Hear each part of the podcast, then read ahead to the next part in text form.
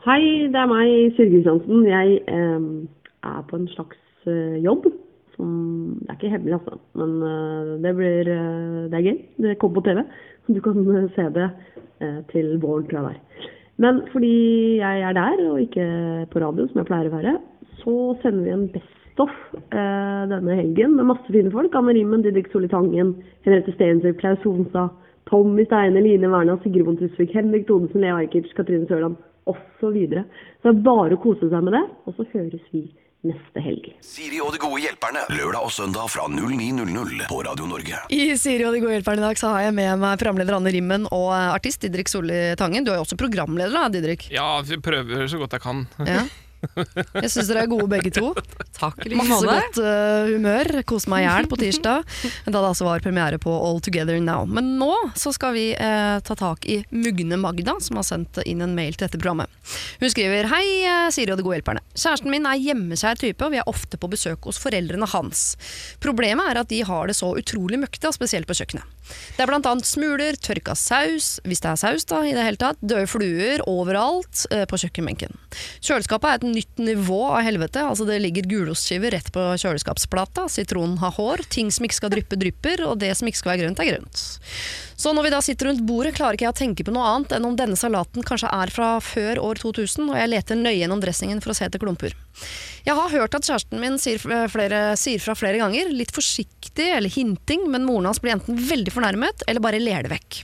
Vi har vasket og ordnet kjøkkenet og kjøleskap tidligere, men det sklir rett tilbake i gammelt mønster. Og vi har også hinta ved å f.eks. kjøpe påleggsbokser, men til ingen nytte.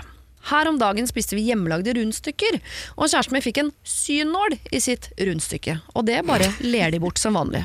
Dette er jo ekkelt og farlig, så hva gjør vi? spør da Mugne Magna. Ikke dra dit mer. Ja, det hørtes helt sinnssykt ut! Ja, det var jo helt ekstremt. Ja.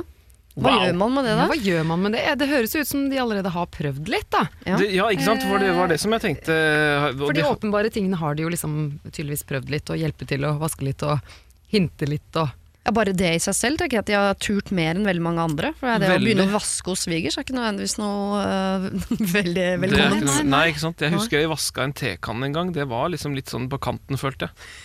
Ja, det var, ja, men jeg kjente, Der kjente jeg liksom at, eh, at, det var, at jeg på en måte trådde over en slags grense, men jeg klarer ikke å se Det er litt sånn, Jeg har litt den uh, spaderen da, på at eh, liksom for eksempel hvis, på kaffetrakteren, da, Mm. eh, og hvis kaffekanna er skikkelig sånn brun og sånn inni, så blir jeg litt sånn Nei, men hvorfor kan jeg ikke bare vaske den, da? så ser det litt ordentlig ut, på en måte. Men det da er litt du- over kanten igjen, kanskje. Ja, men da sier du fra med en gang. Jeg gjør det. Ja, men nettopp Men da unngår du en del problemer. For når man tar det med en gang, så Ja. er det ikke så sårbart. Men Nei. når det kommer noe sånn to år uti, så er det ja, sånn at dette har du tenkt på. Ja, Ja. ikke sant? Ja, Men jeg sant. lurer litt på hvordan de da håndterte det der rundstykket med den synåla. Altså eh, å le bort den. Jeg tenker, fordi jeg tenker jo nettopp det, ikke sant, å ta den når det skjer. Ja, det For da kan du på en måte si at eh, Oi sann, Ja. det, det var jo ikke helt bra. Nei. Synål i rundstykka, gitt. Ja, Men det, det- er jo en det- veldig sånn sår situasjon, fordi du, du, det blir en sånn der konflikt mellom, og du har ikke lyst til å fornærme Og så er det såre, kjæresten men din og, ikke sant, hjemme hos Jeg syns jo kanskje han kjæresten må Burde slå den hardt Det er han som må ta praten med foreldrene, syns jeg kanskje. Jeg tenker at hun må snakke med han om Ja. liksom at nå må vi faktisk gjøre noe, og så må han bare sette ned foten på et vis. Hvis vi Ja, skal være mer hjemme hos mor og faren din, Mm. så må det skje noe. Eller i hvert fall hvis vi skal spise der, så må det skje noe på matfronten i forhold til lagring og Ja, altså jeg mener Han må ta litt ansvar der og snakke med, med foreldrene sine om dette her på et vis. Og Mm. jeg skjønner, altså Det er lettere sagt enn gjort. Jeg ser den. Ja, fordi Mugne Magda skal få slippe, fordi eh, altså, hvis man blir sur på noen, så blir man jo sur på den man elsker minst, og det er jo eh, de nyinnflyttede, på en Ja, måte. ja, så det absolutt. er jo Magda som får lide av det, så det må, dette er det sønnen som må si fra. Han har bare sagt vær forsiktig og via hinting. Nei, Ja, men det, må det være ikke. ordentlig. Han, han må si fra ordentlig, rett og slett. Og bare si at det, det, sånn, sånn går det ikke an å ha det lenger. Men er vi over i ultimatumland da? Altså Mugne Magda kommer ikke hit lenger før dere fjerner Nei, det, synålene fra tror jeg, ikke, jeg tror ikke jeg skal legge noe på hun Det tror jeg er det viktigste her. For at, ikke det, skal være, at det må være sånn Dere gjør meg forlegen eller flau. Eller Mm. jeg blir flau over, å ha- over å ha med meg folk hit fordi det ser ut sånn, og fordi det liksom, man får en når det rundstykket. på en måte Ja, hvorfor er ikke Magda med? Vet du hva, Jeg tør ikke å ha henne med hit lenger. Hun har kjempelyst, men jeg har sagt jeg skal et annet sted, for det er så flaut at det alltid er mugg og synåler overalt. Riktig. Ja, for det høres jo helt ekstremt ut. Det er jo ikke, altså, du, kan jo, du kan jo bli syk av, av å holde på sånn der. Mm. Ja.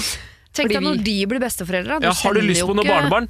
Det kan du drite i, hvis det du ser det er sånn det- ut. Ja, Kanskje ikke det sant, ja. det de skal Må true med det Der. der.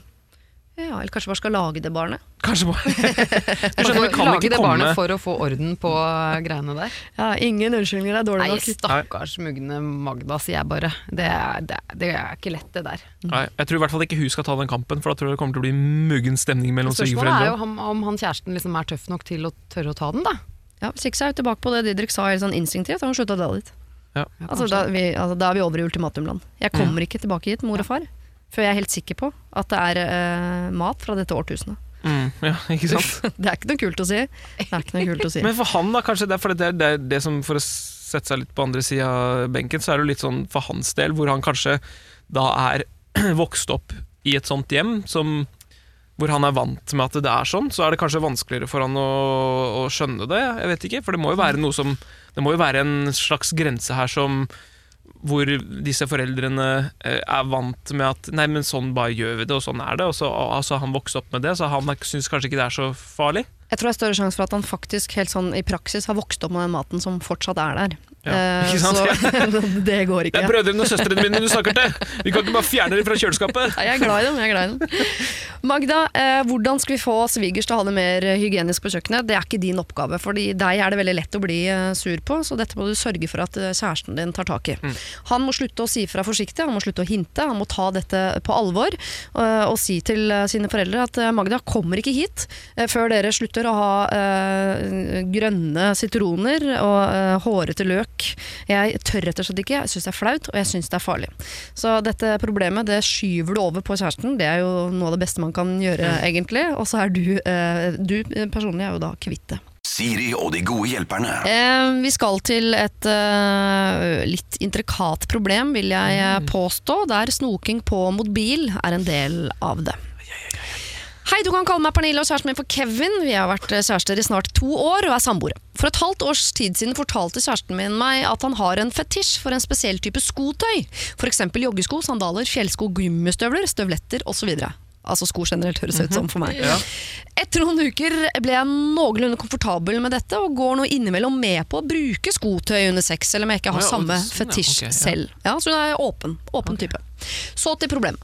For et par dager siden lånte jeg mobilen hans fordi min var tom for strøm.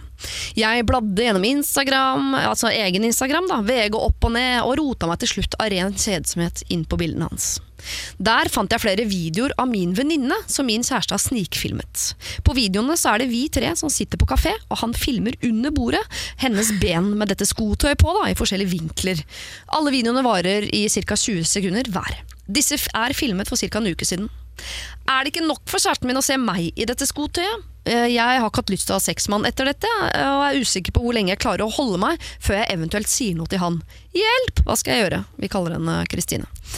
Kristine er sammen med en fotfetisjmann. Pernille. Pernille ville hun at du- vi skulle kalle henne. Pernille Sa hun det? Pernille Hei, Herregud, Du kan, du kan kalle meg Pernille. Ja, det er hersketeknikk. Jeg kaller deg Kristine. Nei, ok, Pernille. Greit. Pernille. Hva gjør Pernille med kjæresten som har snikfilmet skoene til venninnen hennes? Nei, altså Punkt én er jo, tenker jeg, at uff, ikke drive og gå inn på bildene og sånt noe til kjæresten din sin mobil. Det, er- uff, det er bare dumt, egentlig. Men Ja, det skriver hun. Det er allerede skaden er gjort. Ja, nå har jeg kunnskapen. Ja. Hva Ja. gjør jeg med den? Ja, ja, jeg, skjønner, jeg skjønner det. Altså ehm, Kom Nei, det er vanskelig. Nei, men Eh, altså- jo, men altså, hva er altså, Fordi det som er eh, Det som, er, det som kanskje vi vil til bunns i her, er om dette er noe Altså om det er noe seksuelt med hun venninna, da. Det er jo Ja, men jeg har ikke helt ja, skjønt greia. Liksom, er det en helt spesiell type sko? Ja. Ja, ok. Fordi du ramsa jo opp eh, ganske alle, mange typer alle sko. mulige typer sko. Ja. Eh, så er det sånn at hun venninna da har hatt på seg liksom eh, den aller, aller fineste varianten av den type sko. Eller Ja. hva er greia, liksom? Men Eh, det er jo spørsmålet om Betyr det at han vil ligge med skoenes eier, eller bruker han For jeg tenker sånn en- Bruker han dette til å liksom onanere, som det heter, på en måte? Altså, eller er det liksom det, det er jo det er noe jeg kanskje ville kommet til bunns i. Er det Ja. liksom, hva er Hvorfor filmer du det, og hva bruker du det til? På Vet du hva jeg tror? Jeg tror kanskje at eh, jeg bare ville Det plager henne jo eh, åpenbart, og det skjønner jeg jo at det gjør. Mm. Jeg tror jeg bare ville sagt det rett ut. jeg. jeg konfrontert. si, Ja, mm. Vet du hva, eh, jeg, jeg øh, hadde telefonen din i hånda, jeg skulle bare sjekke noen av mine egne ting. Jeg kom inn og så de bildene, og nå, nå klarer jeg ikke å få det ut av hodet. Hva er greia? Ja, jeg kan jo si det, for det var en lengre mail De satt ved siden av hverandre i bilen Han visste at hun hadde mobilen og sånn Så det ikke sånn at det sneket seg ned i jakkelomma hans Og fiska han ut og sånn Ja. Så, var, Nei, men da eh, er det det, jo var litt sånn det tilfeldig Ja, det tror jeg bare ville gjort, fordi Ja. Eh, ellers så får hun antageligvis ikke svar på eh, det hun sitter og plages med, da. Men kan hun eventuelt eh, eh, fritte han for litt info først Altså typen sånn Du, jeg bare lurer på den der fetisjen din Er det sånn at du tenner bare fysisk på skoene Eller har det noe å si hvem sine bein som er oppi? Altså skjønner jeg mener? Kan Ja, eh, men kong da- Harald komme gående med de fresheste dameskoa, og så tenker du woho! Og så er junior oppe, eller? Jeg, jeg vet ikke, hvis det fisker sånn, så, og det er jo, da kan det hende hun finner svar som ikke vil like heller, da. Jeg bare Ja. tenker at uh, Det kan være lurere å egentlig bare si det som det er, at jeg har funnet det bildet, uh, og uh, Ja, det Videoer. si det- Videoer. Videoene, ja. ja. Videoer av de der skoene til venninna, og eh, det plager meg. ja, Og ikke sant? Jeg, jeg, jeg, trenger å, jeg trenger å vite hva, hvorfor har du de videoene. Ja. Hvorfor filma du det? Ja, og det, det betyr jo bare- og det, så Jeg skjønner jo at det betyr noe for henne i i og med at han har vilt at hun skal ha på de skoa. Eller at hun skal ha på sko mens Ja. de har sex. Og man kan jo sammenligne med altså Sko for han er som pupper for andre. Da. Du vil jo Ja, ikke at det typen din skal si, filme liksom, puppene til venninna di. Liksom. på en måte at han er litt utro. Ja. Ja, Er det ikke det, sant? Ikke sant? Ja, det tror jeg hun gjør. Ja, nemlig. Eh, og da uh, Ja, derfor tenker jeg I hvert fall når det er sånn at han vet at hun hadde telefonen. Mm. Ja. Kanskje ikke han føler at han trenger å skjule de videoene engang. Ikke vet Ikke jeg. Kanskje Kanskje det er en han- invitasjon. Kanskje det er en helt naturlig forklaring på dette? Ja. Han Sånn. lurer på om han skal kjøpe sånne sko til henne. Nei, men altså Kan de skoene være med oss i senga? Altså Ikke hun jenta, men skoene. Bare skoene. Mm. Holder det at skoene bare Dingler over. Ja. Nei, Nei, men dette er jeg, jeg spent tror, på. jeg tror virkelig at eh, jeg ville bare sagt det rett ut. Jeg bare si at du, eh, Og i hvert fall, han så, så at hun hadde telefonen. Mm. Den dagen da vi satt og kjørte, jeg, jeg, da brukte jeg jo din telefon. Og da så jeg de videoene, og jeg klarer ikke å slutte å tenke på det nå. Så jeg bare lurer på hva er greia, liksom. Ja. Ja, da er det det du må gjøre. Det er det som er vår konklusjon, eh, Pernille. Han har filmet venninnen din eh, sine sko, eh, og du føler at det er, kan være et potensielt måte, utroskap i, i det. Og da må du spørre han om det. Du må si at 'jeg kom over de videoene', og hva tenker du? Og da får du svar, men da gir du han også muligheten, jeg bare nevner det, til å uh, finpusse ja. sin egen fetisj og ljuge seg ut av det. Og si sånn 'Å ja, nei, det er bare skoa, det er ikke kvinnen oppi', vil han jo antageligvis si. Men det kan man jo aldri vite helt om er men det vet hun jo ikke uansett, så Nei. jeg tror hun får best svar på bekymringene sine ved å bare konfrontere han med det. Ja. Spør hva det greiene der er for noe, og et lite tips på slutten. Ikke si det til venninnen din. Vær så snill og ikke si det til venninnen din. Det tror jeg ikke det kommer noe godt ut av. Eh, send oss en tilbakemelding på dette, hvordan eh, det gikk. Det er jeg veldig veldig spent på. Det sender du da til sirialfakrøllradionorge.no, så er adressen du sender problemer til også, hvis du har eh, problemer selv. Siri og de gode hjelperne. Radio Norge. Eh, vi skal nok ikke gråte over det neste problemet, vi skal nok heller bare eh, samle brynene og bli litt irriterte sammen med Stine, en 27 år gammel jente som eh, jobber sammen med ett annet menneske. Det er lederen hennes, det er en mann på over 40. Eh, det er kun to ansatte i dette selskapet. Jobben er fantastisk, perfekt for mitt utdannelse. Det er faktisk ingen arbeidsoppgaver her jeg ikke trives med. Jeg er veldig fornøyd med selve jobben. Jeg trives allikevel ikke helt, og det er ene og alene pga. lederen min, altså min eneste kollega. Han er ekstremt utålmodig og kan fremstå som litt intens. Dersom han kommer på en idé og snakker med noen om et eller annet som er relevant til vårt selskap, må han sende meg melding med en eneste gang. Det går liksom ikke an å vente til dagen etter. Og jeg hadde skjønt det hvis det var noe viktig, altså, men det er sjelden det. Det verste er likevel at jeg også føler at han er hjelpeløs uten meg. Og selvfølgelig gjør han noe også på jobb, men han produserer svært lite, hvis du skjønner. Det er såpass mange små og store ting som irriterer meg ved dette mennesket, så jeg vurderer nå å slutte. Samtidig så elsker jeg jo selve jobben, da den gir meg masse muligheter. Vi har nå jobbet sammen et par år og kjenner hverandre godt. Jeg har tatt opp ting med han tidligere, og det har blitt litt bedre. For en stund. Men hvordan gir man egentlig kritikk til sin eneste leder? Skal jeg be om et møte og ta det opp med han? I så fall, hva sier jeg da? Eller skal jeg kanskje gå til noen i styret? Eller skal jeg bare holde ut da, og håpe at ting blir bedre? Hjelp! Hvordan kritiserer man sjefen? Ja. Det er jo fullt mulig å gjøre, men Ja. når man bare er sjefen og er ansatt er lite firma. Veldig lite firma. Ja, altså um, Det med styret vil jeg bare droppe av med en gang. Mm. For at det er veldig sånn alvorlig. Da blir alt veldig alvorlig. Da går det jo opp et knepp. Og så, ikke sant, at Du har prøvd å ta det opp med sjefen din, altså din Ja. kollega og sjef, og så virker det en stund, og så ikke, men hvis du da uten noe forvarsel går til styret, så har du egentlig gjort for, Da risikerer du å forsure hele greia. Og det der er en sånn rar eh, omvei eller snarvei som konfliktsky ofte gjør, for de Ja. tror at da har jeg sluppet unna konflikten, men Ja. den kommer jo backfiring, eh, for det er ikke sånn at da lar vi det bare ligge. Nei, og jeg, jeg må bare si at eh, for min egen del så hadde jeg villet reagert veldig voldsomt på det, Ja. men ikke så voldsomt på at den personen hadde tatt det opp med meg. Skjønner du hva jeg mener? Og så, og så, ja, beklager, jeg vet. Det er det ene. Og det andre er at jeg har jo i mitt liv, siden jeg, jeg er jo en mann som er i året 50, så Ja. jeg er jo eldre enn denne sjefen. Jeg har jo ikke vært sånn, men jeg har jobba med mennesker som er sånn, som mener at de har til, skal ha tilgang på andre hele tida Ja. som oppfører seg sånn. Og det er jo en utidig måte å være på. Sant? At de mener at hvis jeg kommer på en god idé klokka ett om natta, så skal jeg kunne sende den av gårde til Ja. min kollega. Og at jeg skal kunne ringe når som helst når jeg føler at jeg er gira og skal på Det skaper et veldig stress hos andre. Ja. Ja, Så det er ikke bra, så det må stoppes. For at den jobben som eh, denne damen liker så godt, vil bli en eh, jobb hun misliker mer og mer hvis hun ikke får stoppa denne personen i å holde på sånn. For du blir utslitt av det. Av andres Men det, stresset, han, ja, ja, Ja. men det stresset han påfører henne, den letteste måten å gjøre det på, er jo å slutte å la seg stresse av det. Sånn, da har det kommet en mail fra sjefen igjen, den leser jeg i morgen. Ja. Ja. Det er, det er, for du kan jo gjøre mye med deg sjøl, men ikke så mye med andre. Men det er en ting i dette problemet som vi må adressere, og det er at de er bare to. Ja, ja, ja. For eksempel, hvis du er, det er ikke noe avlastende. Og det blir også kanskje litt sånn fly... Det blir litt som når jeg og Jon Brungot lager show, da. Ja. Vi er bare to, og vi ringer hverandre hele tiden. Og man føler ikke at én er sjef, eller den andre ikke er der. Kan hende at han hvis man skal se med han med litt positive øyne, for det kan hende at vår venn som har skrevet At de har ganske forskjellige personlighetstyper. Ja, ja. At han er glad i Han er utålmodig, han skal, det skal progressivt, det skal skje ting. Hun liker å ha litt sånn mer ordnede eh, forhold og relasjoner. At du er sjefen min, og jeg Han ser kanskje på henne mer som en likeverdig, fordi ja, du skal også være med i denne beslutningsprosessen, eller whatever. Ja. Som jo er en positiv ting, egentlig. Ja, og jeg tror ikke det er så uvanlig heller at de ansatte ser på sjefen mer enn sjefen ser på seg sjøl som sjefen. på en måte. Og det kan jo være et ledelsesproblem. Men- da. ja. Eh, Ja, men altså da, Ok, nå avbryter jeg kanskje, men jeg tenker at da har dere regi. Du og Jon har jo regi, noen som har, gir ja, dere vi, regi. ja, ja, det har vi, så det blir en eh, avlastning Ja, det for det jeg oss. tenker, det er jo ja, ja, for som viktig. tar uh, liksom sjefsavgjørelsene. Ja, nettopp. Men uh, det jeg tenkte på var kanskje liksom ehm, at disse kunne hatt nytte av. Jeg har jo en kjæreste som driver med ledelsesutvikling. Kanskje de skal ringe han? Nei, men kanskje de sammen Ja. skulle tatt noen grep som er sånn eh, Hva er forventninger til eh, denne arbeidsplassen? Altså, og ikke nødvendigvis bare de to sammen på Holmenkollen uh, i to dager på seminar. Holmenkollen Parkhotell. Nei, men jeg bare for å skyte inn inn- for at jeg mener at er derfor jeg sa det med regi. Ja. Jeg, de skulle ha hatt inn en person, så hun kunne ha foreslått det som kan vi ha en sånn teamdag. Vi, og, og, så, og så får man inn en utafra som En ser dem.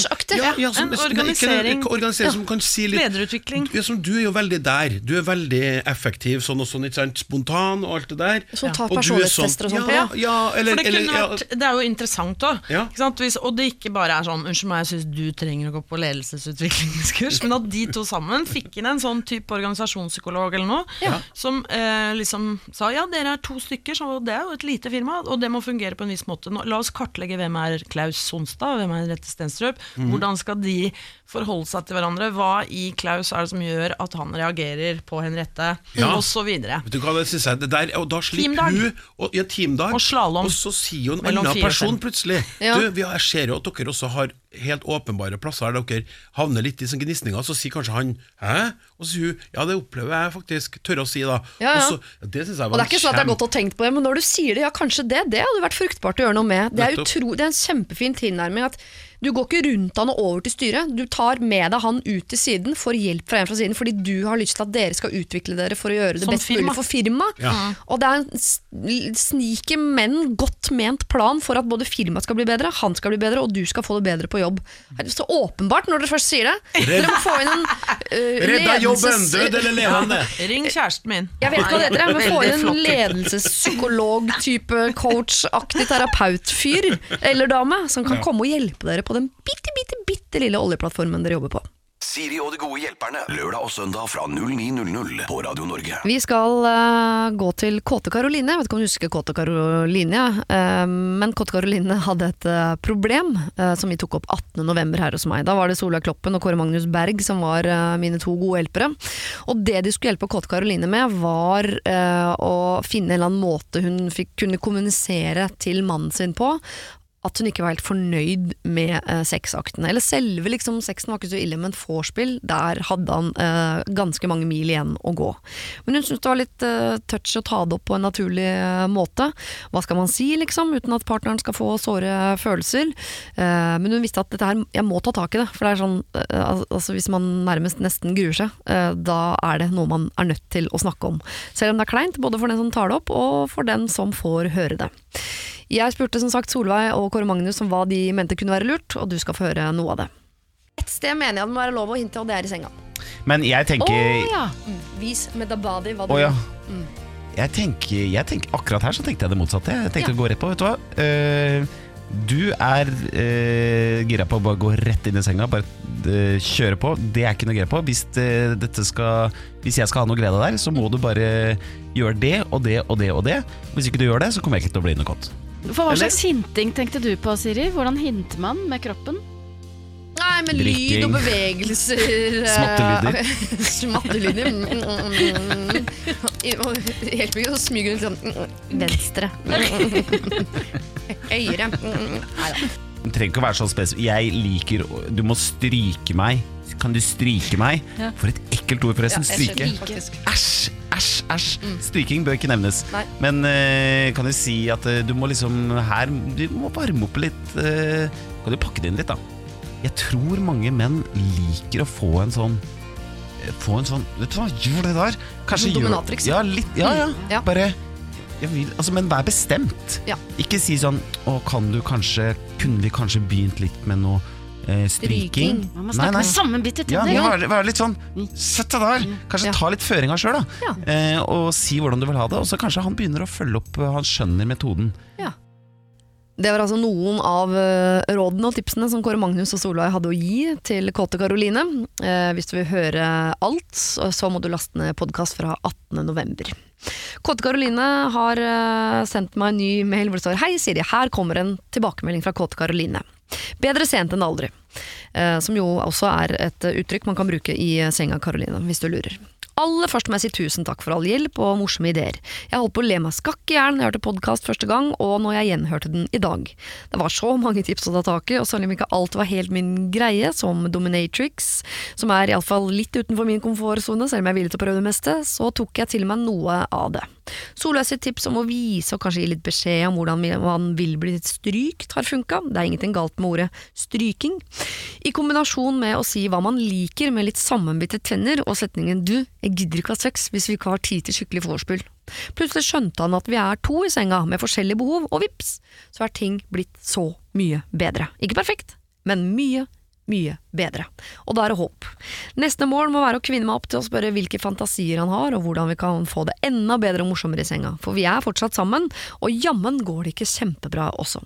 Så litt kvalmende forelska takk fra kåte Karoline. Herregud, vi har gjort kåte Karoline ikke bare kåt, men kvalmende forelska i tillegg. Stort mye bedre enn det blir det ikke.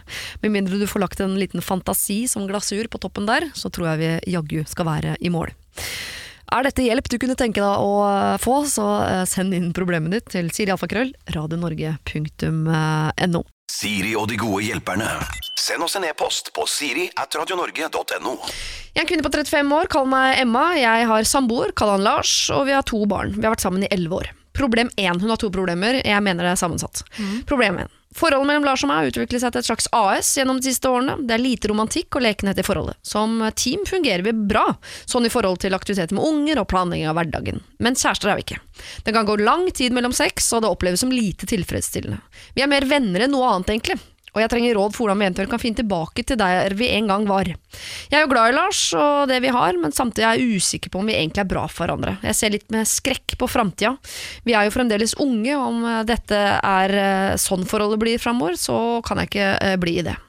Problem to. Jeg har vært utro med en kollega. Han er en fantastisk fyr, og jeg føler at jeg våkner opp når jeg er sammen med han. Vi har kun ligget sammen én gang, men jeg er betatt av han, har vært det en stund. Og han flørter med meg ved anledninger. Han er en type en litt evig ungkar, og jeg tror ikke det er noe fremtid der, altså. Men jeg dagdrømmer jo selvsagt om det, da. Jeg kan ikke fortelle Lars om dette, jeg vet at han aldri ville tilgitt utroskap. Så det hadde ødelagt både forholdet og samarbeidet i etterkant veldig. Så hva gjør jeg nå, da? Hjelp! Hilsen fortvilt og forvirret Emma. Så- Det, henger, det henger jo sammen. Absolutt! Ja. Og hun motsier jo seg selv også. Jeg vil ikke være sammen med han, men jeg kan ikke si at jeg hadde vært utro, for da vil ikke han være sammen med meg. Nei, er ikke det ja. Men klassisk også. Ja, Småbarnstilværelse, la-la-la. Mm. Par, ikke kjæreste lenger. Eh, får oppmerksomhet annensteds. Det er mye mer spennende og gøy. Ja. Eh, men det, her er det jo bare egentlig to ting å gjøre. Enten så må hun kjenne at jeg er, elsker ikke Lars lenger, jeg. Nei. Så jeg går. Eller så må hun snakke med Lars og si Lars, vi er ikke kjærester lenger, jeg vil at vi skal være kjærester. Mm. Trenger ikke å øh, fortelle om den utroskapen, men si det er ikke fritt for at øh, det kiler litt øh, i mageregionen når andre gir meg den type oppmerksomhet jeg ikke får her. Skulle vi ringt Peder Kjøs? ja. Ja, altså, For eksempel. Helst, da. Han er veldig opptatt, sikkert, men Ja, men for at jeg tror at det, Jeg vil bare legge, legge inn en liten ting her som eh, dessverre er litt, med litt erfaring på området. Ja. Ikke utroskap, Nei. men eh, når det gjelder det her med å havne på et litt Å skille seg. sted. Å skille seg, rett og slett. Det er jo ja, så for at, ja, for at, ja, ja, det var, jeg ville på en måte ikke, ikke dra deg ned Det kan du få gjøre sjøl, dra deg ned sjøl i søla, den skilsmissesøla. Men poenget er at det er noen ganger sånn, Jeg tror det er sånn at man skal fighte Eller jeg synes at man bør fighte for et forhold og finne ut, virkelig finne ut om det ikke funker før du gir deg. Og da må jo de prøve å gjenoppdage hverandre. Ja. Sant, ja? Og den gjenoppdaginga av hverandre kan jo ikke foregå på å være et AS. Nei. De må ha tid til hverandre. Så Det ene er jo sånn samlivsterapeut, og sånn men det andre er jo faktisk ha tid til bare å være sammen som par. Mm. Og Når du er i småbarnsfasen, så er det jo livsfarlig, for det er så utrolig mye logistikk, det er så utrolig mye unger, og det er så mye tid du ikke har til overs. Og, og, og, så de må få satt bort ungene Ja. til besteforeldre eller onkler og tanter. Så må de ha litt tid til å Mm. prate gjennom, og kanskje oppdage. Få litt lyst. Og hvis man ikke får det, skal, skal vi gå i, i terapi sammen? Mm. Sant? Det må man gjøre. Og jeg mener at du kan gjenoppdage, du kan få vekk til live en forelskelse. Den er ikke alltid borte helt død. Det kan være en bitte liten flamme Mhm. som er der, som blir tent. Men du må sjekke det ut først, for det er utrolig trist når folk bare gir seg for at nei, nå har vi blitt et AS, nå sånn, vi bare vi ligger jo ikke sammen lenger. Ja, for det så- som ofte skjer med sånne par, eller sånne AS som dette, er at eh, man går og tar de avgjørelsene på egen hånd uten at man egentlig har snakket om det. Så tenker man sånn Ja, men jeg har jo himla med øya og slemra med dører i årevis, at ikke han skjønner at dette går dårlig. Det er jo hans Men det kan hende at Lars går rundt og tenker sånn Ja, det går bra, det. Ja. Koser oss vi med ungene, er ute og sykler, og vi, jeg, jeg syns at det er helt fint. Og så er det, kommer det bruddet som lyn fra klar himmel, mens alle venninnene til Emma er sånn Å ja, ja, ja, ja. Det De skal vi komme langt. Ja, kjempe, ja, ja, ja. Kjempegodt poeng. Og en annen ting, det er en, en ekstrem styrke i å være et godt AS i et småbarnsfamilieliv. Ja. For dem som har det på stell. De har, for, for ofte så Andre sliter med at de krangler om alt og ikke er enige om noe. Og er uenige om barneoppdragelsen og uenige om eh, aktiviteter på fritida. Og er uenige om ja, krangler hele tida. Og de her har jo på en måte det på stell, men så må de jo få stellet på stell. overskuddet til det andre. Ja. For Høres ikke det forholdet her egentlig ganske fint ut? da? Altså, Alt fungerer, de har til og med sex. Men jeg har lyst til Ja. å ta Emma litt i forsvar her. Ja, ja. Uh, med, også med erfaring i bånn. Altså, det går an å være? Det er jo 100 ting vi ikke vet òg. Det er jo, går jo an å være føle seg ensom i et forhold. Ja. Uh, og det gjør hun nok. Og så er det jo liksom døden å orientere seg ut, da, som hun har gjort litt, fordi da blir Lars så blass og kjedelig. Men jeg tenker jo det samme som Klaus, og det aller største faren med forhold er jo at du slutter å være interessert og nysgjerrig på hverandre. Og ikke er så opptatt av den andre, for den liksom bare blir en slags sånn familiemedlem. Som en Ja. mor eller far eller bror eller søster. Eller Kunne liksom hatt au pair, liksom. Ja, som du har godt kjent med, på en måte. Men du må være nysgjerrig på kjæresten din, og det kan jo være vanskelig sikkert da, etter elleve år, for man føler at man vet alt, men man vet aldri alt, og man kan jo Jeg og søstera mi kjøpte faktisk et spill til moren og faren vår til jul, Ja. som heter Fuelbox, Fuelbox, ja. for eldre. Ja. For vi syns de krangla litt mye. Men, eh, eller hadde litt sånn dårlig tone en stund. ja. Kjøp en Eh, fuelbox. kjøp en fuelbox, sett dere ned, ha, som du sier, eh, tid. Og du har vel en gang, kveld i uka hvor dere sitter og har et eller annet biff og bearnés, eller eh, Vi prøver å ha en gang i måneden. Ja, ikke sant? Ok. Jeg, jeg tenker en gang i uka er lurt, da. Ja. Kan jeg, kan jeg skynde meg å skyte, inn en ting til òg? Ja. Det her er jo sånn som egentlig blir et nytt tema, men det, er- det er bare min mening. Hvis det, det her utroskapen har vært én gang Slutt med det. ja, ja, Jo, men ikke si det heller. Nei. For det, for det, ikke si det. For Hvis det ikke var noe mer, og hvis du velger å gå for uh, din kjære, og dere fortsetter livet, ikke si det. Og ikke flørt med han fyren. Nei, ikke flørt med han fyren, noe, sånt bare som det der. Men er det den ene gangen, så ikke lette din samvittighet ved å, ved å legge det på mannen din, for det kan ødelegge alt. Og ikke sammenlign Lars med denne fyren på jobb, fordi Nei. Lars vil aldri bli like spennende som han fyren på jobb. For han fyren på jobb vet du ingenting om. Lars vet jo alt om, så du kan jobb ikke eh, kan jo ingenting om unger og logistikk, og kan Trenger ikke ikke. kjøre det AS-et, familien nei. Det er urettferdig lag. Emma, vi synes Det er nok i- Det høres ut som det er nok i dette forholdet du er i, til at dere burde jobbe litt med det. Men nå er det som en rett også sier, at det er mye der vi ikke vet. Så hvis du går og føler deg ensom, og sånn, så er ikke det, det er ikke bra. Sånn skal man ikke ha det. Men se om dere kan finne ut av det sammen på en eller annen måte først. Og er det ikke liv laga, er AS-et på en måte dødt, er det ikke noe kjæreste her, og dere er enige om at vi to, vi får det ikke til, ja, da må du gå ut. Men jeg syns ikke du skal gå ut for å gå over til denne kollegaen. Det får være noe eventuelt bonus i andre enden. Så eh, på hvert fall svar på problem én. Eh, dere må finne tilbake til det dere en gang hadde. Ikke sånn som det var helt i begynnelsen, det klarer man ikke. Men se om det er en liten flamme der som kan blåse opp til noe mer enn bare en gnist. Og ikke svar på flørt fra kollega. Ikke gjør det. Siri og de gode hjelperne. Eh, hjelp, står det her. Jeg skal prøve å gjøre en lang historie kort. For tre år siden var jeg på en fest, og det skjedde noe på denne festen som jeg ikke klarer å glemme. Det oppsto en stor krangel mellom en av mine nærmeste venninner og hennes mann i løpet av natten. Jeg møtte henne dagen etter, og da var hun veldig opprørt og sint. Og når jeg spurte hva som hadde skjedd, svarte hun bare at mannen hadde vært liksom ekkel og full i går, at hun ble så sint for at han var så full, at han hadde nachspiel når hun ville legge seg, at hun bare følte seg dårlig.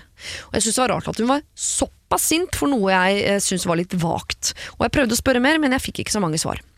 Etter noen ukers eh, tid var ting tilsynelatende normalt igjen mellom de to, så jeg tenkte ikke noe mer over det. Men så, for et års tid siden, fortalte en annen venn av meg, som heter Morten, at han hadde hatt en hendelse med mannen eh, hennes denne aktuelle kvelden. Han hadde blitt forført av han.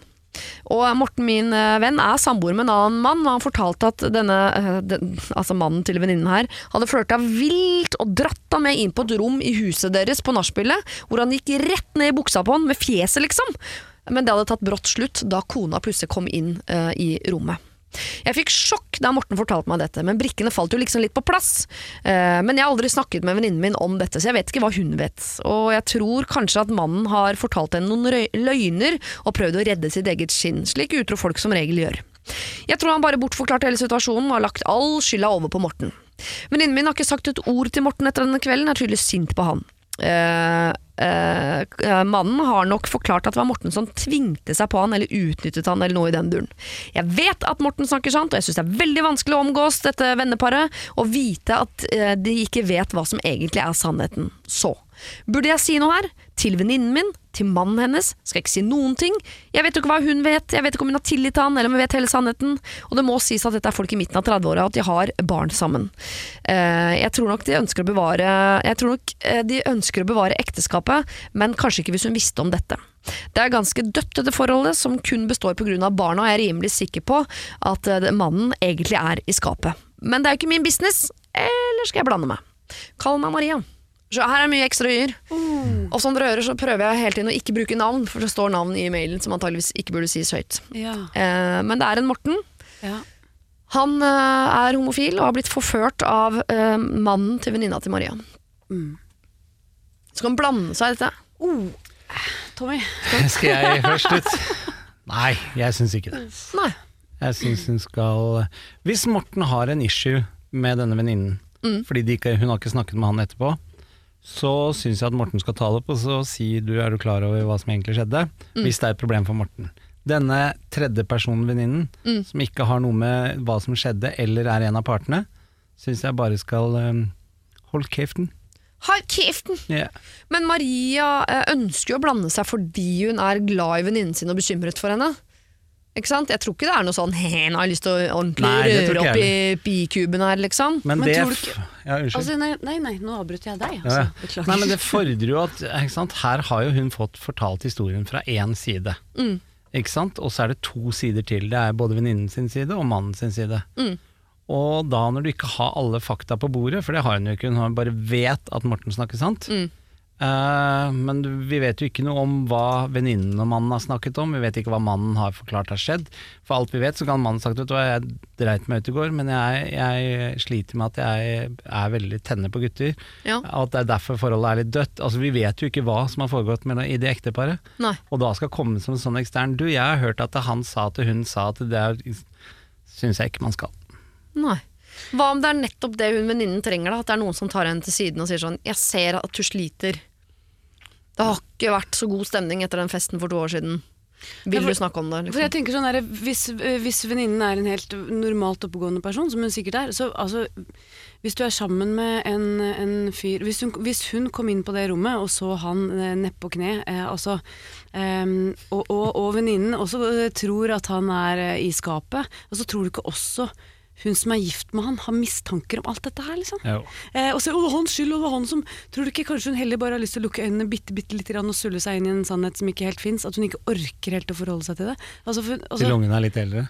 ja, ikke sant? For, det, for, det, for det, hun er jo ikke Hvis ikke så er hun jo ganske dum, og det er hun jo sikkert ikke. Ja, man blir jo ofte blindere jo nærmere man kommer, da, nettopp fordi du sier sånn Man orker ikke å se det som ligger rett foran trynet, så man Mm. bare tenker sånn Å ja, så det var Morten som tvang deg ned på kne og bli med på det. Æsj, Morten! Han er fienden! Få han bort! Han skal jeg aldri snakke med mer! Mens deg som jeg er avhengig av, for du er pappaen til barna mine og har halve gjelda på din altså, Men poenget er at det vet jo ikke venninnen. Altså, det det. det kan godt hende hun bare prøver å, å forholde seg til dette her, og klare å leve seg gjennom det, selv om hun egentlig har mistanker om dette og hint. Eh, og Eller da, vet, da trenger hun ikke en venninne som død. jeg har hørt liksom som du Ja. snakket i stad. Eh, eh, men det hun kan gjøre, er jo eh, å si Du, skal, ikke, vi, skal vi gå ut og spise, eller ta oss et glass sammen? Og at man da på en eller annen måte snakker med venninna si. Sånn, ikke sånn at nå skal vi snakke om eh, mannen din, men at man, hvordan går det egentlig med Ja. dere om dagen? Ja. Liksom? Har dere Går to det bra? Har dere det bra, så får jeg og mannen min, og vi sliter sånn, der, der, og så utlevere seg selv litt, sånn at det, det blir en eh, samtale som gjør at hun, hun har muligheten, hvis hun vil, til å betro seg til henne. Da, Ja. da, da er du en bedre venninne, tenker Det er så mange faktorer du ikke vet. ja. Og da gå inn, og det er jo ganske, ganske heftig bombe å, å slippe, og hvis du da ikke har, så er jo faren stor for at du ødelegger mer enn du reparerer. Da. Men kan eh, hun eventuelt snakke med den Morten og si at hvis du syns det er kjipt at hun eh, ikke snakker med deg lenger etter denne festen, har tydeligvis gjort om deg til fienden. Så Morten har jo en rolle i dette spelet. Um, så Morten kan vel gå inn og si har det forandra seg mellom oss disse to Men årene? det kan jo hende at hun ikke vil snakke med Morten, for hun er så jævlig flau òg. For hun skjønner jo egentlig kanskje hva mannen har gjort. Dette veit jo ikke vi. At hun bare ikke vil forholde seg til ham, for hun vil ikke ha den sannheten hans. da. Nei, jeg hadde også slitt dette med å ikke, liksom. Nei, jeg hadde slitt med å skulle snakke med Morten hvis jeg hadde sett tissen hans inni munnen til mannen min. må jeg innrømme. Jeg hadde hatt litt problemer med det. Altså. Selv altså, i disse dager så hadde jeg hatt litt problemer med det. Åh, nei, Maria, jeg vet ikke. Um, vi er usikre på om Morten skal uh, snakke med venninnen din. Det, han kan Ja. gjøre det, for han har noe med dette å gjøre. Din eneste rolle i dette er jo å være en god venninne, men en god venninne er en venninne som setter seg ned, byr på en middag, et glass vin og snakker om hvordan har du det egentlig. Ikke en som går inn med uh, grytesleiva og rører rundt i bikuben bare for å se om du uh, liksom kan lage noe drama. Og det er jo ikke intensjonen din, men jeg tror det er det som vil skje hvis du går inn i dette. Ja. Det er for mye ting vi ikke veit. Som. Tommy sier, vi veit nesten ingenting. Det er nesten ingenting du veit, men det kan godt hende at venninnen din og mannen vet absolutt alt, har blitt enig, og da skal ikke du gå inn der og røre der. Men vær en god venn. Gå og spis mat. og eh, ha en stor skulder og et åpent sinn, og spør hvordan hun har det egentlig. Siri og de gode hjelperne. Send oss en e-post på siri at radionorge.no. Du hører på Siri og De gode hjelperne her på Radio Norge, og hvis du vil sende inn et problem, så gjør gjerne det til sirialfakrøll radionorge.no. Sigrid Bonde Tusvik og Henrik Thodesen er mine gode hjelpere denne helgen, og vi skal eh, inn i pornobransjen på en måte. På en måte. Jeg har vært sammen med kjæresten min rundt et år nå, og vi har det fint. Sist helg kom jeg hjem fra byen, og jeg hadde, hatt, eh, jeg hadde litt mye innabords, så jeg foreslo at vi kunne se på porno sammen. Kjæresten min var litt skeptisk til det, men jeg sto på mitt, og jeg ville høre hva han pleide å se på. Til slutt så føyet han seg, og han ba meg søke på Ebony, som er pornonavnet for mørke kvinner. Jeg startet å se på en video, men jeg ble helt satt ut. Altså, Jeg er like lys som et laken, og disse kvinnene så jo ikke det grann ut som meg. Jeg hadde sett for meg at vi kanskje kunne få litt inspirasjon til å sprite opp sexlivet av denne pornoen, men å være svart er simpelthen helt umulig for meg å få til. Jeg endte opp med å bli ganske lei meg og usikker på hvorfor han det hele tatt er sammen med meg. Uh, han sa det ikke betydde noen ting, men jeg sliter med å få det ut av hodet. Hva skal jeg gjøre? Hilsen lys som et laken. Oi. Ja, Altså, men dette, dette er vel må man ikke gjøre. Nei, Hva da? Se. Foreslå det der. Nei, men vi- Man må vite, hvis man foreslår det, så må man i hvert fall eh, vite at det Jeg vet ikke om det har noe med, med noe virkelighetsbasert å gjøre i det hele tatt. Man kunne jo snudd det og eller tenkt sånn Ok, hvis det var eh, kjempe Henge i kroker og bli pisket eh, opp ned med, fra en knullehuske, Ja. så hadde hun jo kanskje hatt problemer med det det òg. Ja. Ikke vel- bare at det var ebony. Det er vel generelt ganske mye inne på sånn pornosites du tenker at det der er vanskelig for meg å få til. Ikke Men, sant? i- men jeg tenker, ok, la, eh, hvis jeg skal sette meg inn i hans uh, i hans situasjoner også, så tipper jeg at uh, når han sier til henne Ebony, så har han sikkert filtrert ut en fire-fem andre først. Tror du ikke det? Som, er, som hun hadde syntes vært enda verre. Ja, Tror du ikke det? Dwarf uh... At han bare Han har litt sånn Ok, jeg må bare finne noe uh, Også noe som øh, Ok, jeg kan ikke gå for det jeg egentlig vil her nå. For det, jeg kan ikke gå for hund. jeg kan ikke gå for Tre menn.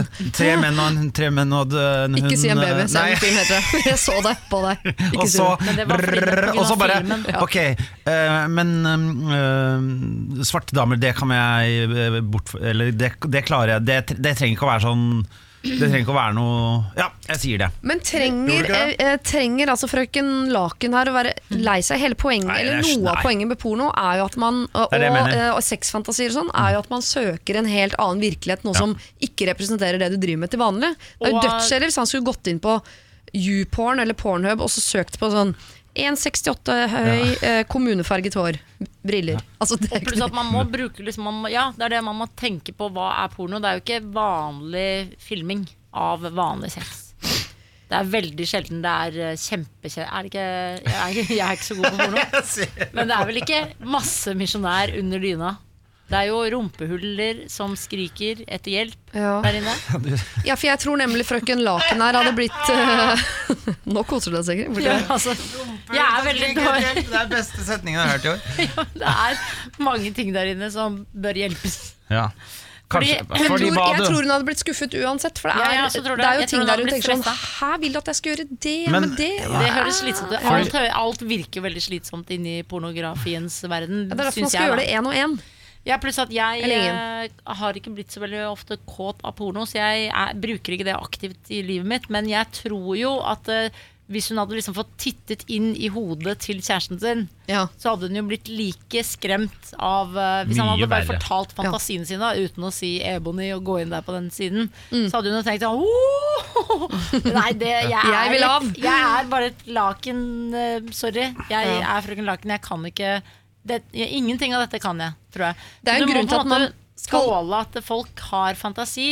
Og, og han liker jo deg for det. Det er jo ikke sånn Nei, jeg liker ikke, liker ikke deg som menneske. Han er jo sammen, er, de Ja. er jo sammen, er de ikke? Jo, jo, jo. Ja. Ja. Så- Og eh, det man gjør i virkeligheten og det man fantaserer om, det er jo eh, det er to helt forskjellige verdener. Du, jeg har vært nesten jeg tror Ja. nesten har blitt mer bekymra hvis eh, mannen min satt og så på porno med folk som ligna på meg. Ja, det var- sånn, er- da hadde jeg tenkt sånn, du er jo helt gæren. Hva, s- hva, Ja. for da hadde jeg dette- tenkt sånn, Det der kan jeg jo by på. Det gjør jeg, altså, hva er det som er gærent med meg? Hvis Du vil ha Du vil jo tydeligvis ha meg, men Men dette er jo en meg. sjanger. Dette er jo som å sette ned Skal vi se på en film, og så Å ja, du vil se på drama? Jeg trodde du var mer sånn Action-Frank. humorperson, jeg. Fordi jeg pleier jo å prøve å være morsom, men du vil tydeligvis bare ha sånn trist, Gråtefilm. triste gråtefilmer. Når Ja. jeg prøver å være morsom til vanlig. Ja ja, nå ble jeg veldig usikker på meg selv her, da. Ja, det er det. Du må, du må liksom du den la sammenligningen der, eh, var den god? sett pris på at han uh, var, eh, turte å være litt ærlig. Da. Det er mange som ikke har lyst til å fortelle noen ting om om seg selv. Ja, og det var hun som presset på med dette her også. Hun ville at de skulle se på porno Og at hun nå må knaske betakaroten. eh, Med mindre, med, mindre hun er kjempe, med mindre hun er kjemperasist, da, for da går det jo mot mye av det hun tror på som menneske. Da skjønner jeg det bedre. Ja, nei, Da blir det vanskelig. Da er det Det er vanskelig. Da må du slå opp med en gang. Men hvordan skal hun få dette ut av hodet? Jeg tenker Hvis hun skal få det ut av hodet, så må hun jo fylle hodet sitt med andre eh, bilder som hun vil ha der. da Av bestemoren sin. Det Ja, det vil jeg tro er mer uh, forstyrrende. Men uh, ja, hun vil jo ha disse bildene ut av hodet, fordi det som skjer framover nå, da når uh, frøken Laken her ligger med kjæresten sin, er at hun bare ligger og tenker sånn Jeg skulle vært sort, jeg skulle vært sort, jeg skulle vært sort. Men det er mange av oss som har lyst til å være sort. Vi er overmennesker og ser fantastiske ut. Jeg skulle gjerne vært sort, jeg. Ja. Hele tiden. De ser tøyte ut og alltid heit ut og jeg drømmer alltid om å være sort. Ja. Når jeg Ja. ser et sort menneske, tenker jeg bare fy faen, dere er så digge, digge folk. Det er jo lov å si det. Det er lov å si Eller er det. ikke det lov å rose svarte folk lenger? Jeg blir, jeg Det er- det altså- jeg blir alltid er det usikker. så rasistisk? Ja, det må være lov, det. Ja, jeg håper det er lov. Det Si fra da, hvis ikke det er lov, da. Ja, si fra. Og så, jeg syns det bare er liksom Uh, Ikke tenk altså du, Det er jo så mye greier man skal tenke på i sin lille seksuelle verden. Ja. At uh, Legg det inn i resten av jeg ser tjukk ut i denne stillingen her, og legg det i hele Ja. den bunken med Og ikke grav i folks uh, ikke, ikke drive og dra ut sånne, sånne pornopreferanser fra folk Nei, i fylla, fordi det, en, det, det er ikke noe Jeg tror egentlig, for å være helt ærlig her, lys som et laken, jeg tror du kom ganske godt ut av det. Jeg tror faktisk du kom veldig godt ut av det. Ja, jeg tror dette kunne vært veldig mye verre. Og ja, nå vet du det, eh, men ikke vær usikker på deg. Det er ikke det. Han vil ikke at du skal være annerledes. Hele poenget er at han innimellom søker eh, til andre steder inni hodet sitt. Det handler ikke om deg. Det er jo fantasiens verden. Det er derfor vi ser på film, det er derfor vi hører på musikk, det er derfor vi ser ja. på kunst. Og hvis du gjør det om en måned, så er det sikkert noe helt annet. Ja. Ikke sant? Det er bare Ikke gå inn i den loggen. Nei. Ikke gå inn i den loggen. Stol på at han liker deg, at det er deg han vil ligge med. Og så var dere bare en liten tur innom eh, fantasiens verden. Eh, det skal dere nok ikke gjøre igjen. Siri og de gode hjelperne. Må ikke du gå i kjelleren, Sigrid? Nei, jeg Nei. tenker på, tenker på ting. Du hører på Radio Norge, mitt navn er Siri Kristiansen. Jeg sitter sammen med Sigrid Bonde Tusvik og Henrik Todesen, som er helgens gode hjelpere. Vi skal snakke om eh, søppel, og da mener jeg søppel i ordets rette forstand. Ja, Det var fordi, dårlig gjort å gå eh, rett fra oss til å snakke om søppel. Nei, dere kan vel uttale dere om søppel? Ja. Ja. Men jeg følte meg søplete i Ja, det er du lov. sa det. Men det er Brita Bråk som har et søppelproblem, fordi hun var på Er det en- kveldstur. Det er ekte mennesker, ikke noen fra Donald, ikke sant? Nei, ikke det Donald. høres ut som en Donald. Og heller ikke Ja. fra det uh, Billopphuggersbandet. Hva heter det? Vazelina Villapuggers? Nei, jeg mener ikke de. Jeg mener Pelle Parafins ja. Gammel, Gammel referanse. Ja, ja. Nå må man google. Hysj! Jeg var på kveldstur i går kveld med hunden min og gikk gjennom resirkuleringskonteineren med flasker, glass og hermetikk. Klokka var 23.15. Da sto det plutselig en rasende middelaldrende mann på balkongen på blokka rett for meg og ropte til meg at jeg manglet dannelse, og at det var uanstendig å lage så mye bråk så seint. Han dura i vei, pekte og var sint på gammelmanns bergensk måte, og la den selvrettferdige hvite 50-åringen eh, som skriver kom rasende kommentarer på nettet til klimaengasjert ungdom, unge kvinner og Miljøpartiet De Grønne, og som jeg har mange fordommer mot. Jeg sa at han ikke kan forvente kveldsro i gata før klokka 24.00 når han bor sentralt i Bergen, men jeg sa eh, det kun til hunden, altså etter at vi hadde gått videre. Min direkte reaksjon til mannen var mer instinktiv og barnslig. Altså Jeg satt pekefingeren mot tinningen og sa ko-ko! Det elsker jeg. Folk gikk forbi på gata, så det var flaut. Eh, Både det å bli snakka til på den måten, men også å bli sett så barnslig tilbake. Mitt spørsmål er Er det udannet å lage panteklirrelyd på kveldstid? Burde jeg ta mer hensyn? Eller er det den gamle sinte mannen som burde tåle lyd så sent på kvelden når han bor der han bor? Vi kan jo ikke innføre portforbud heller. Hva, så hun, Hvor seint var det? 23.15. Ja, det er for seint. Er det det? Ja, det er for seint. Ja, er- fordi sentralt Jeg mener, I alle, alle mulige sånne sammenhenger så er det 23.00, aldri 24.00. Det skal være stille Det det. mellom Er det 23.00 ikke 22? og Nei, det er 23. er Stort sett er 23 23 i hvert fall. og 7, 6 eller 7 ofte. Okay. Men hva, hva var det Hun kastet flasker i Flasker, glass og hermetikk. Det er jo den søppelen Ja. hun bråker absolutt mest, da. Ja, ja. Ja. Ja, ja. Jeg føler her nå Kvart over elleve, var det det? Ja. Du, Beffa, du har såpass ironi på at du Ja. er bråkete. Altså, finnes, ja, bergensere er jo bråkete i utgangspunktet som mennesketyper. Men se for deg da, Brita, at du får resirkuleringscontaineren din utenfor ditt vindu. Mm. Eh, og har den lyden hver dag hele tiden. Ja. Utenfor, rett utenfor ditt vindu. Så jeg er allerede ganske sur for at jeg var den som trakk det loddet der, at jeg fikk resirkuleringscontaineren rett i fleisen. Ja. Og den skal jeg høre resten av mitt liv. Ja. Så han tåler jo eh, Brann-supportere og buekorps og Trude Drevland og Herman Friele stadig vekk. eh, mens han orker selvfølgelig ikke Den samme lyden er noe annet enn å høre folk som roper og Brita! Brita! ring jeg- jeg- jeg tror ikke- jeg tror Handling foran ord! Ring meg! Ta frem telefonen og ring meg! Som de sier i Bergen. Ja. Mye. Så jeg tror Er du ikke enig, Henrik? Jo, jeg tror ikke At det handler om at hun bråkte der og da. Jeg tror at han Han er drittlei av å bo ved siden av den greia, og at folk eh, sikkert hver dag kaster ting der midt på natta. Og derfor så 23 bør være en huskeregel for folk generelt, men jeg mener at folk kan ikke være bo i sentrum og si sånn Ikke rop på gaten! Fordi det må folk lov til. Folk må, men hvis du står og roper hver dag samme ting hele tiden, som er den lyden Ja. han har, Ja. hele tiden, døgnet rundt, så må det, man få lov til å si fra. Eller en rumener, som romfolk som spiller saksofon. Folk vet jo hvor gal man blir av det. Ja. Så Fordi- det var kanskje litt urettferdig for Brita, som fikk på en Ja, måte mange år med Ja, irritasjon helt over seg. Fordi nå må du huske på at Jeg husker da på Bekkelaget Da det kom sånne igloer Så syntes jeg det var veldig gøy Hver gang jeg gikk forbi de Gå ned i, ta flasker og stå og knuse de For jeg syntes det var veldig gøy å knuse flasker Så da sto jeg bare der og kastet flasker og bråkte og, menneske. Ja, men ikke sant Han har jo bodd ved siden av, av sånne som meg Som er der hver skal- kveld klokka tolv Og så kommer tilfeldigvis hun her, Brita Bråk. Brita Bråk. dro flaskene ut av containeren og kastet de på bakken?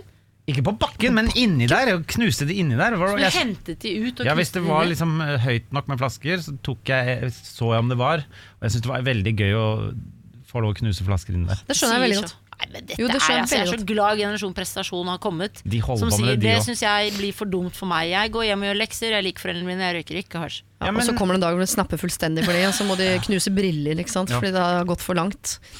Eh, men Brita Bråk, det var, Erne føltes nok urettferdig at han skjelte ut deg, og det var flaut fordi folk så på, bikkja så på, alt at det var flaut. Ja. Og det var unødvendig, og det var mye, og det var på bergensk og alt det der. Eh, men å kaste eh, den søpla som bråker absolutt mest, etter klokken 11 om kvelden, et eller annet sted må vi sette grensa. Og du dessverre bomma med et kvarter. Og det er noe med individets tid. Altså din rett til å kaste Jeg må gjøre det akkurat nå. Det er noe med, Folk må begynne å bruke litt fellesskapstankegangen, selv om den ikke fins i genene dine. Bare lat som den fins, og Mm. Ja. tenk. Ta litt hensyn. Det er lettere for deg å ta hensyn til han ved å ikke kaste søppel, enn at han skal ta hensyn til alle som har lyst til å kaste glass etter klokka 11 om kvelden. Det er et regnestykke som ikke går opp. Men han er jo også sånn som sier fra. Vi, Ja, vi de hadde jo aldri sagt fra. Ja, Ellers så har han ikke sagt fra før nå. Det klikka for ham fullstendig. Han Ja. har sittet syv år og ikke sagt fra, og Ja. så var det Brita som fikk det. Det vet vi ikke. Ja. Men han kan roe seg ned på kommentarfeltene. Det kan hun rope tilbake. Siri og de gode hjelperne. Så må dere ta stilling til et dilemma jeg har laget til dere. Rett og slett. Bare for å bli litt varme i trøya. Dagens dilemma er dere må velge mellom å aldri mer ha ferie eller aldri mer jobbe. Er det etter det? Altså aldri mer jobbe. Du velger aldri mer jobbe? Hvordan, er Aldri det, mer jobbe. hvordan er pengesituasjonen? Nei, det, det, ikke tenk på det. Nei, ja, Jeg skal- vil ikke jobbe da. Nei, ikke jobbe. Er det så lett? For jeg trodde dere var veldig glad i å jobbe begge to. Jo, jeg er det. Ja, Men jeg er gladere i å ikke jobbe. Ja. men Blir det ikke kjedelig Jo, jeg vet hva, jeg, jeg blir gæren av å ikke jobbe, men uh, For jeg klikker etter noen dager Ja, etter ja. jobb. Da blir ikke jeg god å ha med å Men, gjøre. hvis jeg hadde, men jeg tror, jeg tror det hadde vært hvis jeg hadde bare visst nå at eh, Å ja, jeg skal ikke jobbe, for da hadde jeg bare, da, da hadde jeg bare begynt å gjøre andre ting. Hva hadde du begynt med nå? Klatre. Klatre hele tiden. Klatre hele tiden. Mm, dra Ja. verden rundt. og klatre. Hvor mye penger er det jeg har til rådighet? Nei, Det det virker som jeg har en Du kan jo eh, dra på billige klatresteder. Ja, jeg kan bo, ja. Og ikke tenk på pengene. Det er jo mange som har et liv der de aldri mer Ja. jobber. Ikke sant? Men ok, hva, hva, er, hva er årslønna mi, da? Jeg må jo ha et eller annet. Det er trygd, da, fra samfunnet. Trygd fra samfunnet og oppsparte midler. Mm. Ja. Som ikke er nok ennå, fordi jeg har regna med å jobbe noen, År til. noen decades more. Oi. Oi. Jeg ja. tenkt til det. Ja, så kunne- året til mål. Jobbe i noen i over 20 år til. Ja. Er det hårete? Faen, han har jobbet til han er 50. Nesten han jobbet til han er nesten 60. Fy fader, han sto på, ass. Men jeg tenkte at dere kanskje uh, syns selv at dere hadde det såpass gøy på jobb at det å Ja, det aldri mer ha ferie kunne vært greit. Altså Dere har helger og sånn, men uh, aldri mer ferie. Ja, men Det er veldig rart å spørre oss, for vi har veldig rare jobber som noen ganger er å ikke jobbe i løpet av en uke, og en uke hvor du jobber eh, dobbel eh, hele uka. Det er veldig Kalles dette for eksempel en jobb? Ja, er dette jobb? Ja, nå er. Kunne jeg fortsatt vi på jobb da? er, dette Ja. er jobben. Får ikke ja, fordi, for Nei, det er det jeg mener! Du får ikke betalt, så dette er jo, dette er jo Det ferie. er eh, merkevarebygging, kaller jeg dette. Ja, ok, Sigrid, men nå er det vi bygger her! Altså, jeg som er uh, tredjegenerasjons heks, jeg trenger å bygge merkevare. Det Ja. sier jeg bare. Ja. Jeg er uh, fjerdegenerasjons uh, Troll. heksejager. Ja. Hunter. Hunter. Witch hunter. Hva heter det? Rottefangeren. Og Sigrid tror hun er heks, men hun er egentlig rotte. Kom fra hekseslekt, ble født som rotte. Ok, nei, men Da er dere i hvert fall ganske klare på det. Dere hadde hatt det helt fint dere resten av livet uten å jobbe noe særlig mer. Bare Ja, det klatre og surre og svanser rundt. Ja, Hva skulle kan- du brukt tiden din på da, Sigrid? Når Malt den kommoden som du er så sur for at jeg malte hvit, den skal Ja. jeg male tilbake når jeg da slutter å jobbe. Vi hadde Ja, bodd ganske mye i Frankrike, tenker Ja, jeg. det, jeg og Henrik hadde bodd i Frankrike. Du snakker i vi fortsatt, ja. Ja, Det er søtt. Det er veldig søtt. Ja, men det er bare fordi, det. det er fordi vi har gått på alle ferier sammen. Jeg sier vi når det bare er meg òg. det lærte jeg av Sigrid Bonde-Tusvik og Westerdals. At, Ja. man, at man skal ikke være sånn meg, meg, jeg, jeg. Så jeg sier alltid vi? ja, vi skal gjøre dette. Og så skal du si ja til alt. og det er veldig problematisk, fordi nye folk man møter, skjønner ikke når man sier vi at man bare mener jeg. Så de bare ja, men jeg skal jo ikke være med på dette, det er bare du som skal gjøre det. Jo, jo, men jeg sier vi om Har du lært meg. av Sigrid Vondt Tusvik å ikke være som meg, meg, meg, jeg, jeg, jeg? Det Ja. stemmer Er jeg ikke. veldig egoist? Jo, men, ja, men hør da Hun er det, ja, Ja. Mm. Men i talemåten Sånn at det virker som om hun ikke er det Så sier, sier hun vi Ja. Så det, hun virker er. Mm. raus og inkluderende Men hun er Egoist. Narsissist fra oh, nei, helvete Husk at narsissister vet ikke, klarer ikke selv å se det. Nei, du, du sa det jo nå nå Nei, si er jeg det? Nå prøver vi å si det. Det er så fælt å vite. Jeg orker ikke tenke på det. Jeg legger det bak meg. Eh, Dere skal få Men da skal jeg jeg også begynne å jobbe fulltid Eller ikke ha. ferie fulltid med å passe barna til Sigrid Å, det var hyggelig. Å, det er hyggelig. Siri og de gode hjelperne. Lørdag og søndag fra 09.00 på Radio Norge. Eh, Jeg har med meg eh, to gode hjelpere denne helgen, som alltid. Men denne helgen er det da Leo Ajkic og Katrine Sørland. Og vi skal få inn eh, et veldig veldig kort problem fra en som heter Svein, men det kan være ganske sårbart. Han skriver nemlig Jeg er per dags dato sammen med en flott dame som du kan kalle Sonja. Vi har det helt Ok, men jeg er virkelig klar for å komme meg videre, men jeg sliter med å slå opp. Jeg er rett og slett livredd for hva hun kommer til å si. Jeg er en veldig konfliktsky person, og jeg ønsker ikke noe drama. Det hjelper jo ikke at vi skal på en tur til Paris om ikke så lenge, eh, så nå har jeg egentlig falt ned på at jeg tror det er best om vi bare drar på den turen, og så slår jeg opp når vi kommer hjem, slik at vi kan avslutte dette med en fin opplevelse. Hva syns dere? Svein lurer på hva vi syns om eh, det er en god idé når han vet at han skal dumpe Sonja, at de tar en liten tur til Paris først. Hva tenker du, Leo? Jeg så du ville si noe, Katrine. Du var veldig ivrig for å si noe på den her. Nei, gå du, du. Altså, jeg vet ikke, jeg, det, jeg må tenke litt til på den her. Altså. Han, han, vil, eh, han vet han skal slå opp, sant? Ja, før eller etter Paris. Men sånn som han høres ut nå, det er jo ikke sikkert han greier det på ett-to år. Det kan hende han ombestemmer seg og ja, ja, ja, jeg tar det etter jul. Nei, jeg kan ikke slå opp nå, hun har bursdag snart. Tar det ett. Så jeg vet ikke, jeg. Ja, men Syns du at han da skal fortsette i dette forholdet og bare lete etter en perfekt anledning, eller burde han dra av det plasteret nå? Han burde jo ikke leke med andre folk, på en måte, og være ærlig på hennes vegne, da. Hvis Ja. han ikke greier eh, Ikke tør, så bør han gjøre på hennes vegne, da. Og ikke waste hennes tid. Tenk deg så grusomt eh, Katrine, å være en helg i, på det du tror er en romantisk weekendtur for to til Paris, og så er det bare flytting av et problem. Ja, det er jo veldig mange som eh, opererer sånn. Eh, veldig mange som har vært i lange forhold og kjenner gjerne seg igjen der. Eh, jeg tror jo kanskje at den byen der er jo magisk. Altså han er jo gjerne inne på noe der, at han tenker at eh, jeg skal ta den turen. Det kan være det ligger noe bakenforliggende der, at kanskje han tenker at det kan være det, det blusser opp litt sånn romantikk igjen. Ja. Og det er jo den beste byen i hele verden å la det blusse opp ting. Ja. Så jeg syns jo vi er altfor dårlige til å ta sånne getaways, om det så er bare på et hotell her i hovedstaden, eller hvor det nå enn er, gå en lang tur, eh, ha seg ute, eh, kose seg eh, sammen. Eh, det er vi altfor dårlige til, eh, å ta vare på hverandre, og en tur til Paris tror jeg kanskje kan være med å eh, hjelpe de to. Så man gir jo opp altfor fort. Men da er, det i, eh, da er det et ønske fra din side at romantikken skal blomstre Ja. opp igjen. Det er det ikke fra Sveins side. Han bare tenker at ja, hun skal få en, i hvert fall en hyggelig avslutning på forholdet. Hun skal få en tur til Paris, men Ja. etterpå er det slutt. Okay, jo, men da- altså, da tror jeg han hadde gjerne gjort det slutt allerede. Hvis han hadde syntes det var så ille. Ja. Så tror jeg at mennesker er såpass godt bygd sammen at det nå altså, klarer ikke en, med et minutt til. Her ligger det et eller annet. Han tenker og vurderer det, og det kan man gjøre i visse perioder, men da trenger de to å ta seg en skikkelig weekendtur til Paris og finne ut av ting. Og han må være ærlig, og så må man begynne, må man begynne å snakke sammen. Men hvis han skal være ærlig, da, som jo både du Katrine og du Leo virker som dere er store forkjempere for, og det er bra, så burde han jo sagt før denne Paris-turen at det, jeg syns ikke det går så bra mellom oss. Jeg merker at jeg er keen på å komme meg videre, men vi tar den turen til Paris. Ja, eller ta den turen til Paris. Jeg betaler mellomlegget med en god venninne og kos dere, og så er det verdens mest romantiske by. Kanskje du finner en fyr som er mer romantisk enn meg. One love.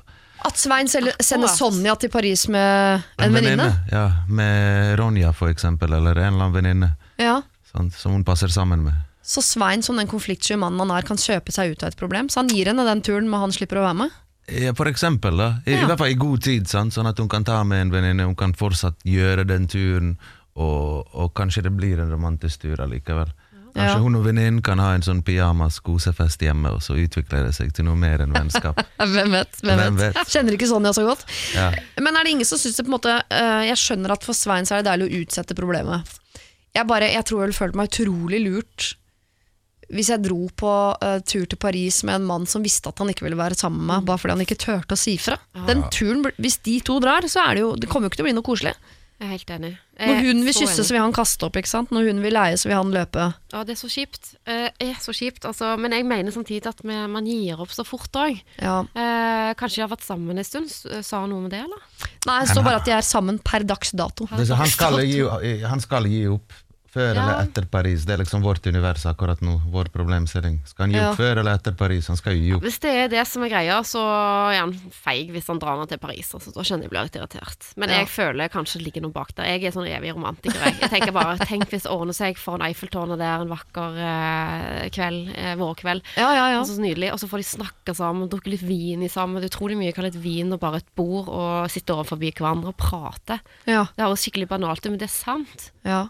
Det er ikke alltid det funker, men eh, Nei, men da må jeg si det da til deg, Svein. Hvis det er et lite håp om at det kan blusse opp noe, ikke drama, for det liker du ikke, men noe romantikk i løpet av denne turen til Paris, så syns vi du ikke skal gi opp, for folk gir opp for fort. Så da tar du denne turen og ser om det er noe der som kan reddes. Men hvis du har 100 bestemt deg for at hun dama her vil jeg ikke ha, så syns jeg det er helt ufint av deg å dra dit uh, til Paris sammen med henne. Så jeg heller skal uh, gi den turen til Sonja, så hun kan dra sammen med Ronja, og hvem vet hva det blir til. Og så kan du bli hjemme, så slipper du det der dramaet, og du er kvitt den der dama. Siri og de gode hjelperne. Lørdag og søndag fra 09.00 på Radio Norge. Nå skal vi inn i et kollektiv som består av tre venninner. Har vært venninner hele livet. Lotte, Nora og Eva bor i dette kollektivet. Eh, Eva fikk seg kjæreste ganske fort etter at vi flyttet sammen. Dere kan kalle han for Adam. Altså Adam og Eva er par her, og så har vi Lotte og Nora i tillegg. I utgangspunktet er Adam en utrolig eh, bra fyr som vi har blitt glad i. Han er en morsom type som vi anser som en venn, og sakte, men sikkert har Adam blitt et nytt tilskudd til kollektivet. Men nå har det seg sånn at vår eh, veldig lite klissete venninne har snudd eh, helt rundt. De har fått sitt eget språk, de koser konstant, og de er ikke akkurat flaue over å vise at de er glad i hverandre. I tillegg tar de seg ganske godt til rette i fellesarealet, spesielt i forhold til at han egentlig ikke bor her. Det er ofte mye rot etter dem, snus blant annet, og de er oppe lenger enn oss, og de bråker, og de hyper hverandre opp konstant. Vi savner at det bare kan være oss tre av og til, og kunne gå rundt i bare trusa fra badet til soverommet. Vi vet at vi burde ta det opp med Eva, men hun har en tendens til å bli sur og fornærma når vi tar opp ting med henne, og vi syns det er vanskelig å si fra om ting. Vi er også redd for at Adam kommer til å tro at vi ikke liker han. Er vi egoistiske som vil ha mer tid med venninnen vår uten kjæresten? Og kan det fikset, fikses uten at noen blir fornærmet eller føler seg angrepet? Hilsen da Lotte og Nora. Dette er et klassisk problem. ja. Ja, Kollektiv, én for seg kjæreste, alt går til helvete. Ja, det er det. Ja. Det er bare spørsmål om tid før de flytter ut, tror jeg. Hvem da, Lotte og Nora, eller Adam og Eva? Adam og Eva. Ja, det er ofte de som blir, rødt, for det er ikke et problem for dem at de er oppe og bråker og roter og tar all plassen. ja, det er jo helt fantastisk. Det er jo- Der er de. Ja. Ja. Ja, Og den er kjip, altså. Jeg føler De bor jo to for prisen av én i Ja. det kollektivet, og har helt konge med det. Lik Ja. Du kan jo ha regler, da. Du kan jo putte noen eh, regler inn. Så skjønner jeg jo at det må Eva, det er på grunn av de, men det er liksom, come on. Du kan ikke ha besøk etter klokken bla, bla, bla sånn, sånn, sånn, sånn. For kollektiv ofte Det er jo demokrati. Ja, ja. Og to mot én. De vil, hun vil jo bli utstemt hvis de andre ønsker en forandring eller noen regler, men da må de òg følge de. Ja. Så det er det med Norge. Vi har demokrati, Ja. vi har ytringsfrihet, likestilling, så come on. Bare, bare sett noen regler. Ja, det er ikke tempo. De er To faktisk mot to mot én her, fordi han Adam har jo ikke noe han skulle ha sagt, så lenge han Mm. ikke betaler husleie. Sånn, det gjør ikke han. Så, så enkelt. Bruk eh, demokratiet til å fikse opp i dette problemet. Men da blir jo eh, Eva fornærmet, men skal man gå rundt og være så redd for at folk blir fornærma bestandig? Nei, man må Nei. slutte med det der. Ja. Fornærma greiene. Altså, kollektiv, der er det jo mye regler fra før av. Så jeg tenker, som du og Leo sa, at man lager litt eh, ekstra regler da, Ja, ja. i dette tilfellet.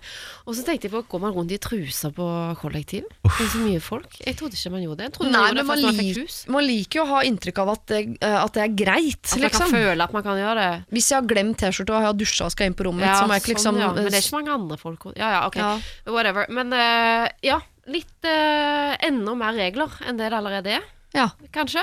Eh, Jeg tror jeg hjelper for de. Og så igjen, altså, at man er fair. Ikke rått. Altså, jentene til den som rotter seg sammen òg, sant. Og så Ja. blir det liksom et større problem enn det det egentlig er. Vi kjenner oss jo godt, ikke sant. Ja, ja, ja. Så det er kanskje litt med det at uh, vær litt fair. uh, si det sånn som det er, og si at det, dette plager oss uh, lite grann.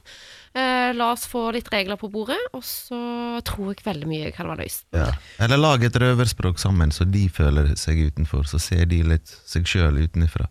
Så hver gang de kommer hjem, så, så hører de et språk de ikke forstår. Du vet, et eller annet sånn, og så, og så Ja, la tenk- meg- ser ta mer plass, utenfra. liksom. ja. Ja. Og man spiller igjen med samme mynt, da. At man eh, får- får noen skuespillergutter Altså gjør litt det samme, da. Sånn at de får kjenne på litt det samme. Leie to gutter, da. ja. Ja. Mm.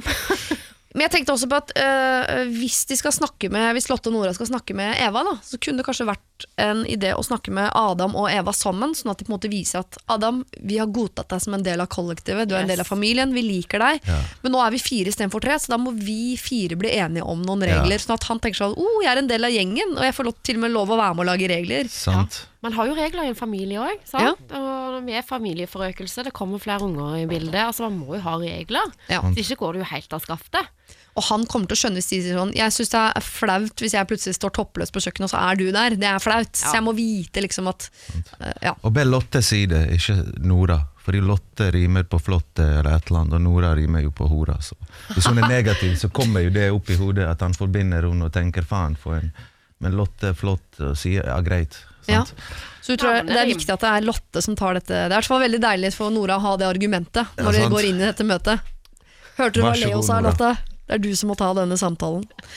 Det må regler inn i dette kollektivet. Vi regner med det er noen regler der fra før. Enten må du, eh, altså Noe må inn i kollektivet. Enten to ekstra gutter som dere har leid, eller noen ekstra regler som dere har kommet fram til i fellesskap. Det høres jo mest fornuftig ut, men det høres jo gøy ut å leie inn to ekstra gutter. Da må jeg si. Eller så kan dere lage et hemmelig språk, dere to, og bare plage vettet av vennene deres. Da er dere jo på en måte eh, even på irritering. Men dere har ikke blitt noe bedre venner av det.